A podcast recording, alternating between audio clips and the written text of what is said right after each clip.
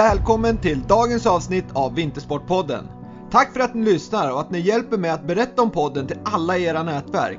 Med alla intressanta gäster som jag haft och kommer att ha tycker jag alla ska få chansen att ta del av deras kompetens, erfarenhet och förmåga att ge inspiration. Så följ Vintersportpodden där poddar finns så ni får ett meddelande när ett nytt avsnitt är publiceras och naturligtvis följ Vintersportpodden på Instagram för att få relevant information om vad som är på gång och inspiration. Varmt välkommen till Vintersportpodden. Detta avsnitt är i samarbete med Orsa Grönklitt. Orsa Grönklitt är anläggningen i Dalarna som har aktiviteter för alla. Vad sägs om 130 km längdspår, 22 alpina pister, rovdjurspark och ett nära och bra boende? Med 130 km välpreparerade längdspår för alla nivåer spelar det ingen roll om du är nybörjare eller världselit. Det finns spår till alla. Om du vill ha hjälp med utrustning, vallning eller till och med en skidlektion kan du besöka Orsa Grönklitts längdcentrum som har mycket kunnig personal. Byt spår, gör din kropp och ditt sinne en tjänst. Byt till en meningsfull semester fylld med frisk luft och motion utomhus. Kombinera det bästa av två världar, semester och skidåkning ut i den natursköna Orsa Grönklitt. För mer information och bokning, besök www.orsagronklitt.se Tack för ett bra samarbete Orsa Grönklitt. Och Revolution Race som har kläderna som passar min livsstil perfekt. När jag åker alpint har jag fått en riktig favorit. Helix-serien kombinerat med understället Bambo Skin och Trekker Fleece ger mig verkligen den värme jag efterfrågar för att kunna ha en härlig och mysig dag i backen. Samtidigt vill jag inte tumma på passform och funktionalitet. För mig är det viktigt att känna mig smidig och rörlig för att få rätt känsla när jag åker slalom. Jag är uppvuxen i slalombacken och har tävlat och jobbat med skidåkning i många år. Jag är så glad att jag nu har kläder som ger mig det jag efterfrågar. Besök www.revolutionrace.se för att se det fantastiska utbudet och gör din beställning redan idag. Med koden VINTER15 med stort V får du 15% rabatt på ett köp. Erbjudandet gäller till och med 2 februari 2022. Tack Revolution Race!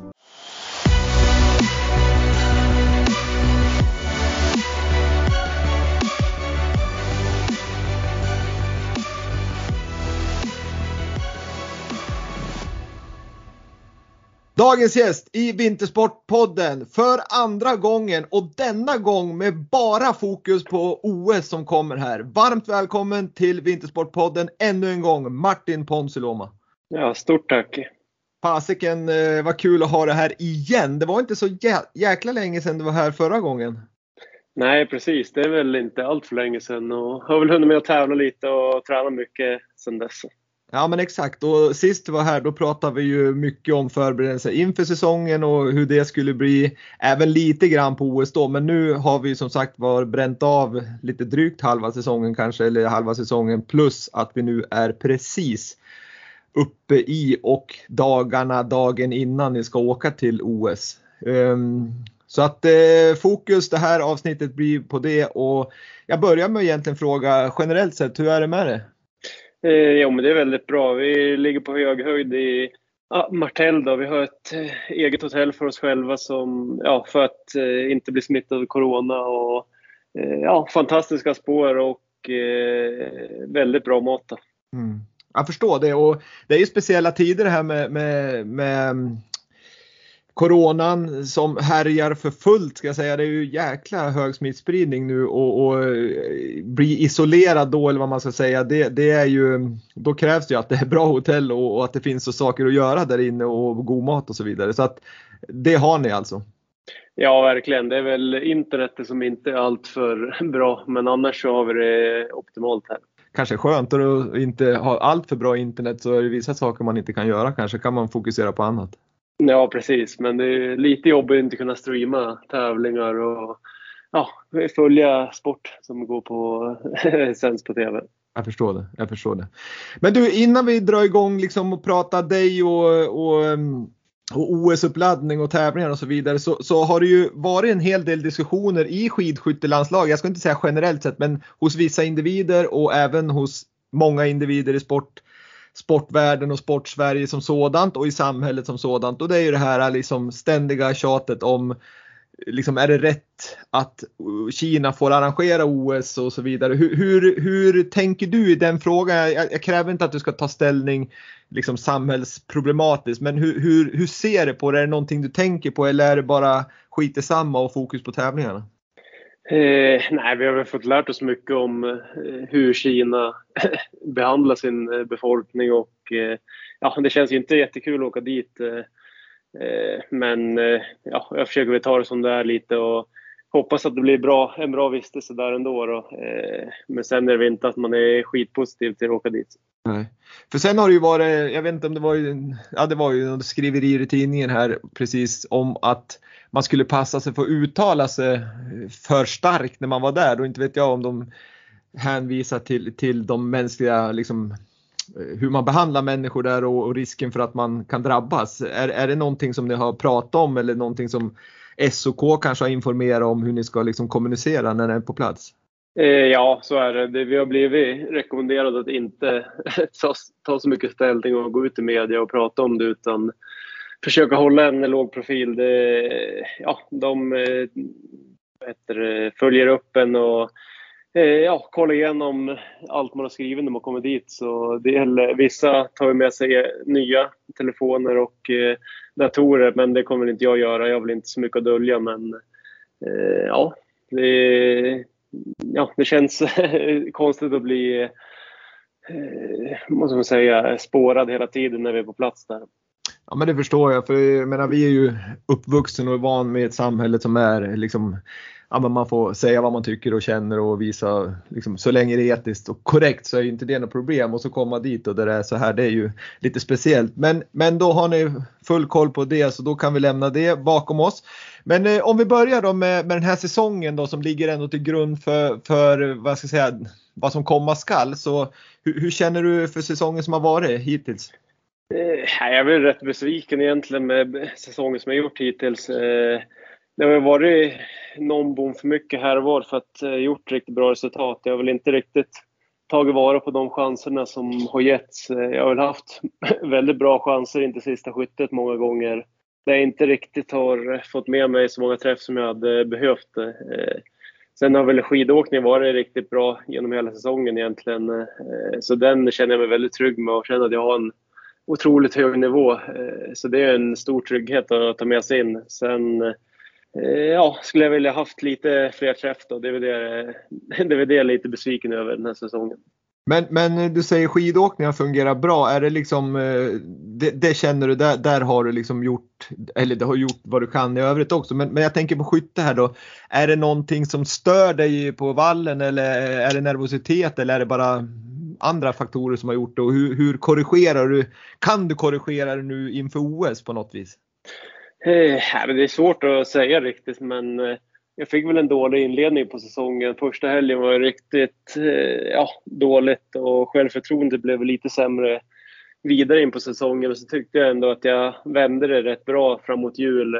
Fick till några lopp som var riktigt bra då och fick kliva upp på pallen i Hochfilzen i sprinten. Det kändes riktigt kul att få, få en framgång då. Ehm, och sen eh, ja, blev lite sjuk där efter Hochfilzen, hade en dålig helg i Frankrike. Sen åkte jag på julledighet och då tyckte jag ändå att jag ja, fick till eh, ja, en bra känsla och byggde upp självförtroendet. Men sen har, väl inte, eh, ja, sen har jag väl gjort några bra tävlingar efter nyår. Då. Men eh, ja, det har svajat lite upp och ner och tycker ändå de lopp jag gjort bra har jag väl inte riktigt fått Eh, så mycket utdelning på. Det är ofta stafett jag skjuter väldigt bra på. Och där har vi väl inte riktigt hängt med från start så det har varit lite tråkigt. Ja, jag förstår det. För eh, tittar man på stafetterna så har det ju varit okej okay. och, och så sen som sagt var sista tävlingen här så, så i ropholding då, då var det ju bra egentligen för då hade du ju 2-0-0 och så sen avslutade som du sa med en fyra där. Och och den, utan den fyran, om man skulle kunna säga om du inte hade haft den fyran så hade du ju fått ett fint resultat. Ja precis. Det grämer väl en mycket att eh, ja, om man inte tog vara på den chansen. Jag hade, jag hade verkligen velat gjort ett bra resultat där. Och det blev ju ett, eh, ja, ett dåligt resultat i mina mått mätt. Så, Eh, ja, jag känner att det finns mycket mer att få ut. Men, men eh, som hittills då så har du haft, om jag får säga bara en pallplats och du ligger totalt, tror jag 24 i, i kuppen totalt. Och jag misstänker att du hade större förhoppningar eh, inför den här säsongen. Men, men om man ska vända det till någonting positivt då, när du åker nu till OS här så hade du liksom, man hade ju kunnat vara i andra kläder också. Naturligtvis är det kul att åka som favorit och ha vunnit 10 tävlingar eller 5 tävlingar eller vad det nu än är. Men nu åker du ändå dit med, med en annat bagage. Är det någonting som du ändå kan vända och se som en fördel? Eh, jo, men jag försöker alltid blicka framåt, så är det. Och, eh, eh, ett mästerskap, det är något helt annat. Eh, och jag visade redan förra året att eh, ja, jag kan prestera när det gäller som mest. Så jag vill inte alltför orolig. Jag försöker bara göra det jobb jag kan och så får vi se hur långt det räcker. Eh, ja, bara jobba på, i, framförallt i skyttet och hitta en god känsla nu de här sista veckorna innan vi drar igång med tävlingar. Mm. Ja, det låter ju grymt bra det Martin, det måste jag säga. Men eh, jag tänker på säsongen som har varit då. Hur, hur, eh, hur har liksom Corona påverkat både dig och gruppen. Jag menar det har ju varit en jäkligt speciell säsong, även förra säsongen, men, men vi hade ju hoppats att det skulle gå över. Men är det liksom, har det varit mycket är det någonting som tynger dig? Kan det påverka ditt resultat eller ska man som eh, elitidrottare vara så professionell att det ska inte störa en? Eh, nej, jag tycker faktiskt inte det har påverkat något eh, särskilt utan jag tycker man blev van det förra säsongen egentligen att det var munskydd som gällde hela tiden och ofta hålla distans till andra. Ja, äta mat med den man bodde med. Det var de reglerna som gällde och man vänjer sig snabbt vid ja, att göra just det och eh, jag tycker inte man har tänkt någonting på det den här säsongen egentligen. Det var bara det var väl lite slappare i början och sen har det blivit lite hårdare eh, ju närmare OS vi har kommit nu och desto mer eh, smittspridning det har blivit. Mm.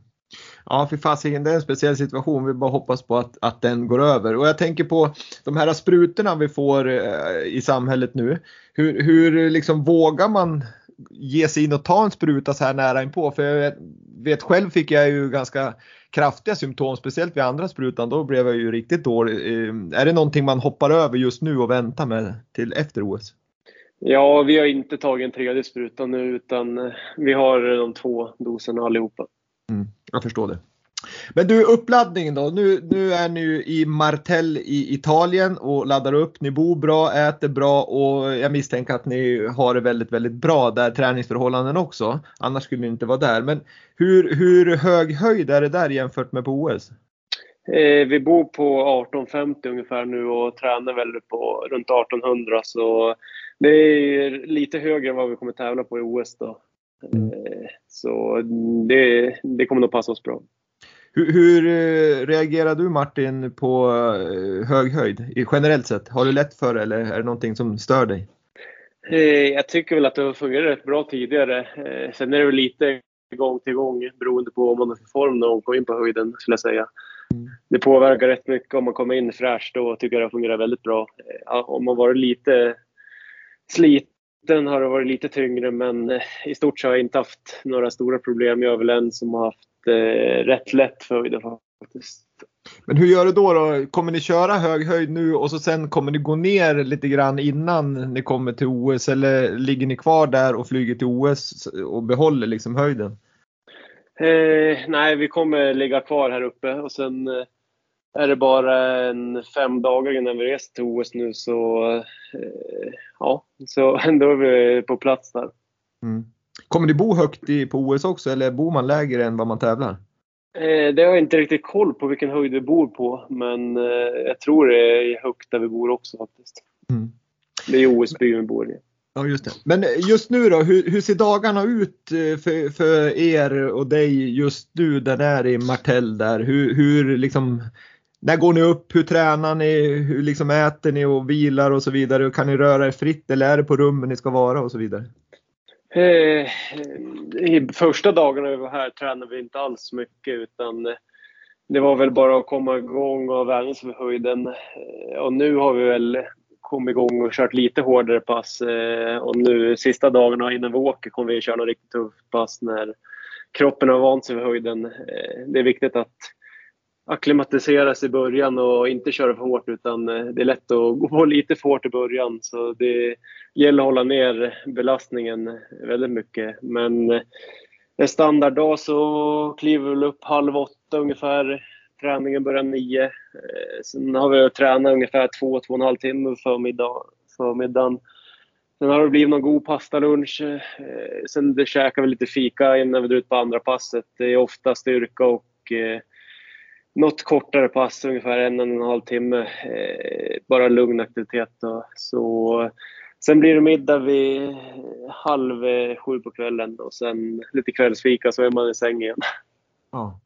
Och alla dagar ser ganska lika ut misstänker jag. Ja, jo, precis. Idag har vi väl eh, just en vilodag och ja, det har varit lite information av SOK på förmiddagen och Sen har jag väl kört lite torrskytte med Sean Mark eh, så man håller i det eh, även fast det är vilodag, skyttet och eh, ja, man gör lite så här små grejer även fast det är vilodag. Mm. Jag förstår, det är liksom lite mentalt också att man håller i det och, och inte liksom kommer ifrån det samtidigt som det är viktigt att man kanske gör andra saker också. Men, men som sagt var har man en vilodag och det är de förutsättningar som är nu så har man väl ändå lite tid över till att göra andra saker och tänka på andra saker. Ja, verkligen. Det var det. Ja. Men hur lyckas ni döda, om man får säga, använda ordet döda, just den här hotelltristessen som, som kan uppstå? Har ni med i tv-spel eller har ni, spelar ni Monopol eller någonting? Eh, ja, det har blivit en del sällskapsspel faktiskt. Det är rätt många som är med och spelar. Catan har blivit en populär, ett populärt spel här i laget. Så mm. det går hett till vid måltiderna. Kul! Ja, det låter roligt. Men, men du, jag tänker på träningen sa du. Först börjar ni liksom lugnt och fint med, med så ni får acklimatisera er och komma in i, i, den höga höjden så ni inte liksom förstör eller vad jag ska säga chockar kroppen på fel sätt. Och sen nu börjar ni köra hårdare ju, ju närmare avfärd som kommer då liksom. Men när ni kommer till OS då, kommer ni fortsatt köra hårt då eller släpper ni upp eh, sista dagarna innan, innan race och, och sen mellan tävlingarna, vad gör ni då? Är det, kör ni nog intervallpass om ni får två dagar mellan tävlingarna eller är det då bara ut och glida i en timme lugnt och fint? Eh, ja, när vi är på plats, det är väl en vecka innan eh, första tävlingsstart så vi kommer väl eh, träna på rätt hyfsat i början ändå, eh, men inte allt för mycket. Det handlar om att bygga överskott fram till tävlingarna nu. Vi har gjort den mesta träningen. Framförallt över jul tränade väldigt hårt eh, och hade väl inte riktigt så bra form första helgen efter nyåret på tävlingar. Eh, men sen tycker jag Europahållning svarar kroppen riktigt bra och sen har vi försökt bryta ner oss lite nu igen för att eh, ja, kunna ta det lite lugnare. Vi kommer till Kina och få den här boosten när tävlingen drar igång. Då. Eh, och sen eh, när väl tävlingarna har dragit igång så blir det blir det inga intervaller mellan racen egentligen om vi har två dagars vila utan det blir väl att bara ta ett lugnt pass och sen eh, dagen innan race blir en hårdare upptakt. Eh, det brukar vara att man kör tävlingsbanan i ja, tävlingsfart och eh, får testa på att skjuta med lite belastning. Mm. Ja, spännande. Det, det är som sagt var lite hektiskt där också. Men under nu då sista dagarna fick jag för mig, jag läste igår tror jag att man måste testa sig vad ska jag säga, negativt sista fem dagarna innan man reser. Är det så? Och hur, hur hanterar ni i skidskyttelandslaget just testningen? Är det en stående testning varje morgon eller kväll? Eh, ja, vi måste ha två eh, negativa PCR-tester eh, jag tror det är 48 timmar innan man flyger. Eh, så vi kommer få testa oss här på hotellet. Det kommer hit personal som testar oss. Så det funkar väldigt smidigt. Men sen har vi kört, eh, ja, vi kommer direkt från världscupen nu och eh, det har varit ett PCR-test i veckan plus två snabbtester. Eh, så vi har väl hållit den här bubblan, vi träffar nytt folk så vi har väl känt oss rätt säkra att det inte har varit någonting utan eh, ja, vi har gjort två snabbtester här på plats i Martell men det blir två PCR-tester nu när vi åker och annars har det inte mm. varit några andra tester. Men jag tänker just det du sa där att ni, ni sitter och spelar um, sällskapsspel tillsammans i gruppen. Är det, är det liksom bubblan, om jag får säga bubblan då, är det hela skidskyttelandslag inklusive åkare, ledare, servicemän och ja, alla som ingår i, i, i truppen så att säga? Eller, eller är det, håller man det i mindre grupper? Eh, på världscupen har vi ju kört, då är det bara atleterna som är en bubbla, coacherna en bubbla och vallarna en. Men här på plats här på förlägret har vi väl kört eh, coacherna och eh, fysio med atleterna är väl en bubbla. Det är väl bara vi som är här. Så, mm. ja. Men, men ja, för, för det är ju lite, om man får säga så, så är väl det ganska skönt ändå att man liksom får större, lite större grupper om man, om man tänker på det sociala också. Och, och, för man måste ju ändå må bra i huvudet för att man liksom ändå ska kunna prestera. Ja, verkligen. Det handlar om att må bra och bygga överskott så jag tror att det är helt rätt och jag tycker det känns det är en väldigt trygg situation vi har nu. Alla är testade och vi vet att det inte kommer in någon smitta i laget. Och sen har vi ju Malte och Mona som kommer från eh, världscupen i Antols nu snart hit. Då. Eh, de kommer bli testade. Eh, ja, de kommer göra många PCR-test innan de får hänga med oss och det känns väldigt grymt. Ja, för det var det jag tänkte säga. Jag tänker i en sån här bubbla om, om någon skulle liksom få för sig att man, man måste åka hem eller som du säger Mona om allt det kommer från, från tävlingarna i Antols nu och, och då, då Alltså man riskerar ju så fort man ger sig utanför den här bubblan och träffa någon annan eller man skulle sätta sig på ett flyg med någon annan. Jag menar då har man ju spräckt det där och då måste de väl vara isolerade tills dess att de visar att de verkligen är frisk. Ja precis. Det, jag tror de behöver två PCR-tester som är negativa innan, innan de kommer kunna sitta och äta med oss. Så det känns väldigt bra. Mm. Men, men, jag tänker på, själv så är jag ju lite så här, lite nojig vad, vad det gäller liksom allmänt sjukdomar och förkylningar och så vidare. Men nu har, har det inte blivit bättre med, med coronan här för man går ju lite grann och lyssnar på kollegor och folk man träffar om fan låter de snuva eller hostar de si eller så. Hur, hur, är det så att ni går runt och, och lyssnar på varandra och, och liksom kommenterar när, när någon hostar eller snu, snörvlar? Eh, nej, så är det verkligen inte. Vi litar så mycket på varandra att man ska kunna säga till om det skulle vara någonting. Och, eh, ja, det, det har inte varit något problem tidigare och eh, det känns väldigt bra. Ja. Och det förstår jag för annars skulle det ju vara ohållbart i, i en sån situation som ni befinner er i. Ni har laddat upp för OS i fyra år och så liksom skulle någon, om jag får säga förstöra det fast man vet om det, det skulle ju vara fruktansvärt. Men jag tänker på liksom blir, känner du dig stressad nu i situationen som är med Corona, liksom att, att du går och tänker på hela tiden, fasiken nu har jag laddat upp för det här i fyra år, tänk om jag blir smittad nu, då är det ju kört liksom, då får jag inte åka till OS. Är det någonting som, går och, som du går och gnager hela dagarna? Eh, nej, det skulle jag faktiskt inte påstå utan jag försöker inte tänka på det alls och eh, sköta min eh, ja, sköta mig så bra jag kan eh, så har jag gjort det jag kunnat för att eh, inte få corona. Då. Eh, eh, ja, om man skulle få det så är det inte så mycket att göra. Det, det är bara att gilla läget liksom. Och, eh, ja, ja, det är inte så mycket att göra liksom. Nej men så är det ju i och för sig. Men, men du förstår vad jag menar, att man har laddat så länge. Men det gäller ju oavsett om man får en vanlig förkylning eller man får magsjuka så är det ju samma sak. Men, men det är ju speciellt med OS som är så verkligen, det är så lång uppladdning och anspänning och, och så har man de här veckorna på sig liksom och då vill man ju verkligen vara i toppform. Eh, ja, så är det. Eh, sen är man väl lite orolig för just flygresan. Annars så känner jag väl inte någon oro alls. Utan, eh, ja, det är ju resan till Kina som är... Om man klarar den så tror jag att det kommer gå väldigt bra. För det var min nästa fråga. Hur kommer ni resa? Har Skidskytteförbundet, Svenska Olympiska Kommittén eller någon annan liksom chartrat ett plan åt er eller kommer ni i den här fina bubblan som är nu sätta er tillsammans med 150 andra turister som ska till Kina och liksom och resa tillsammans? Hur, hur hanterar ni det? Eh, nej, vi kommer faktiskt åka ett charterplan med bara S eller folk som ska till OS. Jag vet inte riktigt vilka länder det är. Det är väl Finland, eh, ja, Sverige och något land till. Eh, så alla är vi testade som ska åka med där, så det känns väl lite bättre. Men ja, man vet ju aldrig. Eh, så är det ju.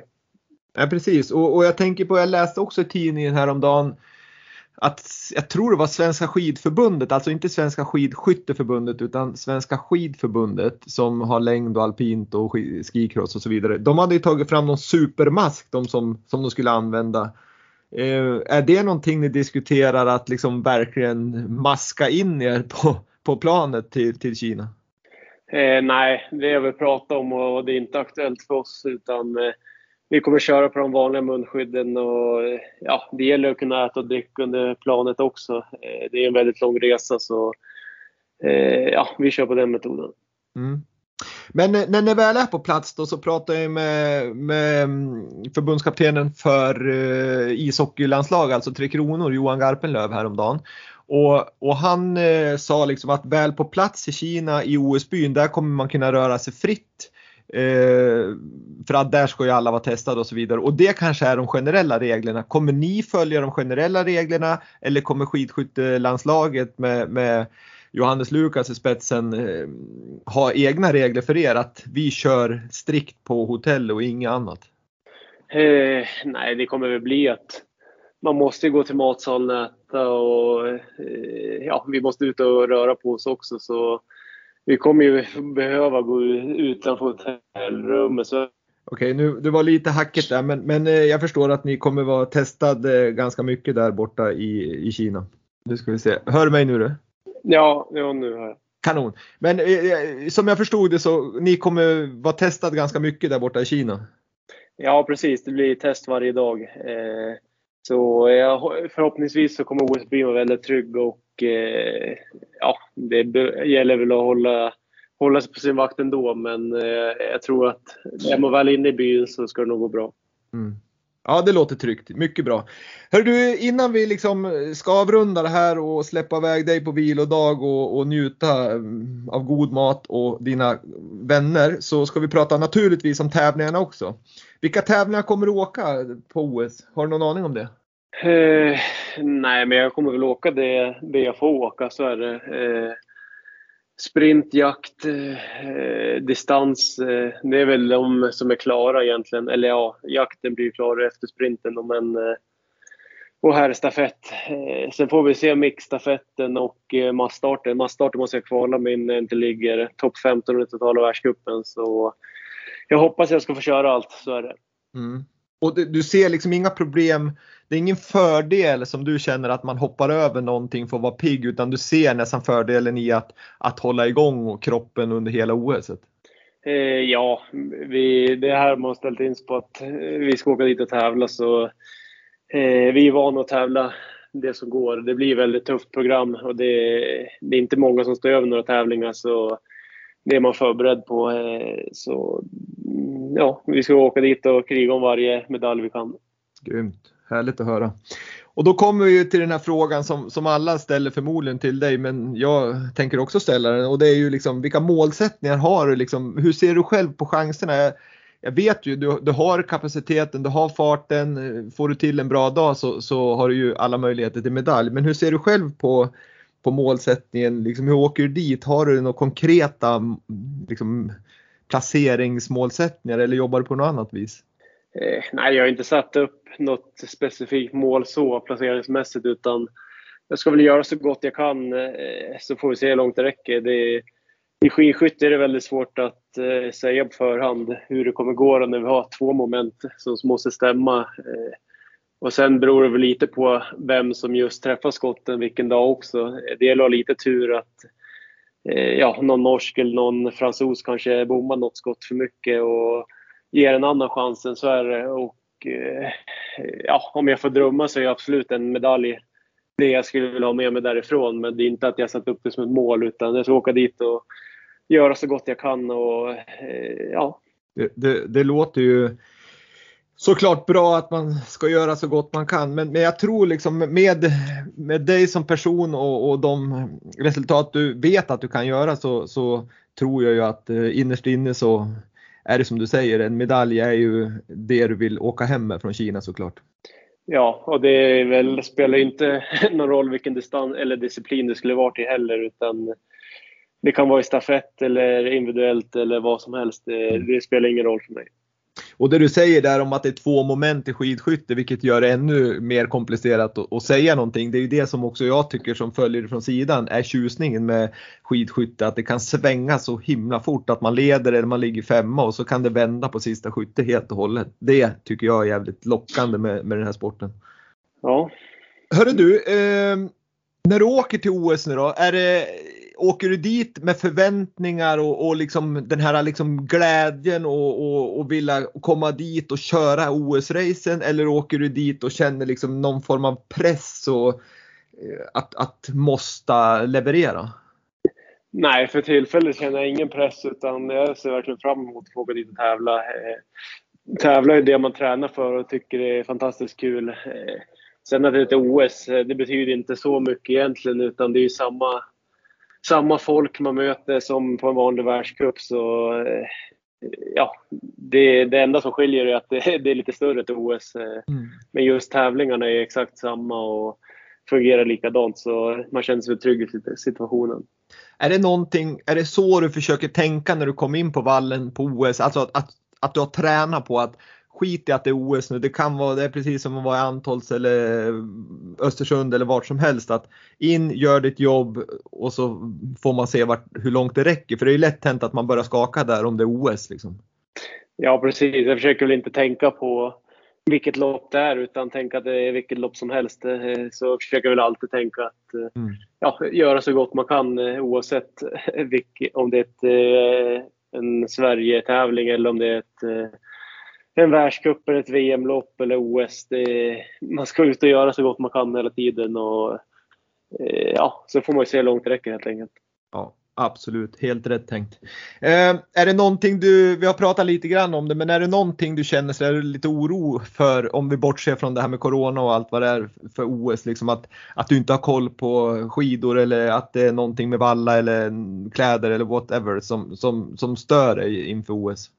Eh, nej, jag skulle väl inte säga att det är något som eh, ligger och gnager så. Det är väl mest kylan kanske som är ett ständigt problem för skidskytten då. Eh, de har ju spått att det ska bli väldigt kallt. Så ja, jag hoppas inte att det blir lika kallt som det är sagt då, utan att det kan hålla sig runt en 10-12 minus. Det hade varit rätt skönt istället för en 18 minus och mycket vind. Då då har man det väldigt jobbigt som en skidskytt. Man kan inte ha allt för tjocka handskar för att hålla på med vapnet. Så det är väl ett litet orosmoment men eh, ja, jag hoppas att, jag hoppas att det ska bli hyfsat väder.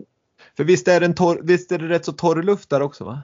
Eh, ja precis och eh, ja, det brukar väl kunna blåsa rätt mycket också tror jag så köld, köldeffekten kan nog bli rätt påtaglig. Mm. Men det är bra om man är medveten om det och, och, på något vis kan förbereda sig för att det kan bli så, så att det inte liksom är ett störande moment där på morgonen om det är minus 17 och blåser lite och, och, och är torrt. Liksom, då, då är det bara ut och leverera för det är lika för alla. Ja precis, man får dra på sig de kläder man har. Eh, ja, försöka hålla händer och fötter varma genom hela loppet. Det är väl det som är huvudmålet då. Mm. Kanon! Jättekul att ha suttit och snackat med dig här. Normalt sett i Vintersportpodden vet ju du som har varit med att jag frågar ju alltid om, om, ehm, om en, en generell fråga om en framgångsfaktor för att lyckas med idrott. Men den har ju du redan svarat på och det här är ju lite ett annorlunda program. Men jag tänkte säga så här, är det någonting annat du vill eh, tillföra som, som lyssnarna skulle tycka var roligt att veta om, om eh, vad som komma skall? Eh,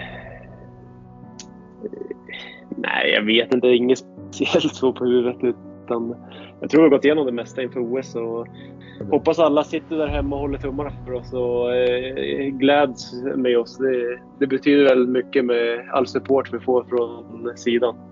Och det kan jag garantera att svenska folket kommer följa er till 100% och glädjas när det går bra och vara med er när det inte går så bra. För det är viktigt tycker jag som supporter att alltid stötta. Det gör jag i alla fall. Ja, ja det vänder jag... fort i skidskytte. Ja, så är det vet du. Det är det som är tjusningen. Ja. Är det någonting annat du har berättat som ingen i hela Sverige vet som du kan berätta som en hemlis för mig om Martin Ponsiluona eller har du inga hemlisar? Uh, nej, jag har väl inte riktigt några hemligheter om mig. Det tror jag Nej, du verkar vara en ganska öppen person. Men jag, Wille Berlin och Vintersportpodden är otroligt glad, tacksam och stolt att få prata med dig så här otroligt nära in på OS som ni kommer åka bara om någon dag till Kina och göra de sista finpussningarna inför loppen som kommer i OS. Stort, stort tack och stort lycka till Martin Ponsolon. Ja, tack så mycket. Kul att få vara med. Absolut. Ha det bra. Hej, hej. Mm, tack. Hej, hej.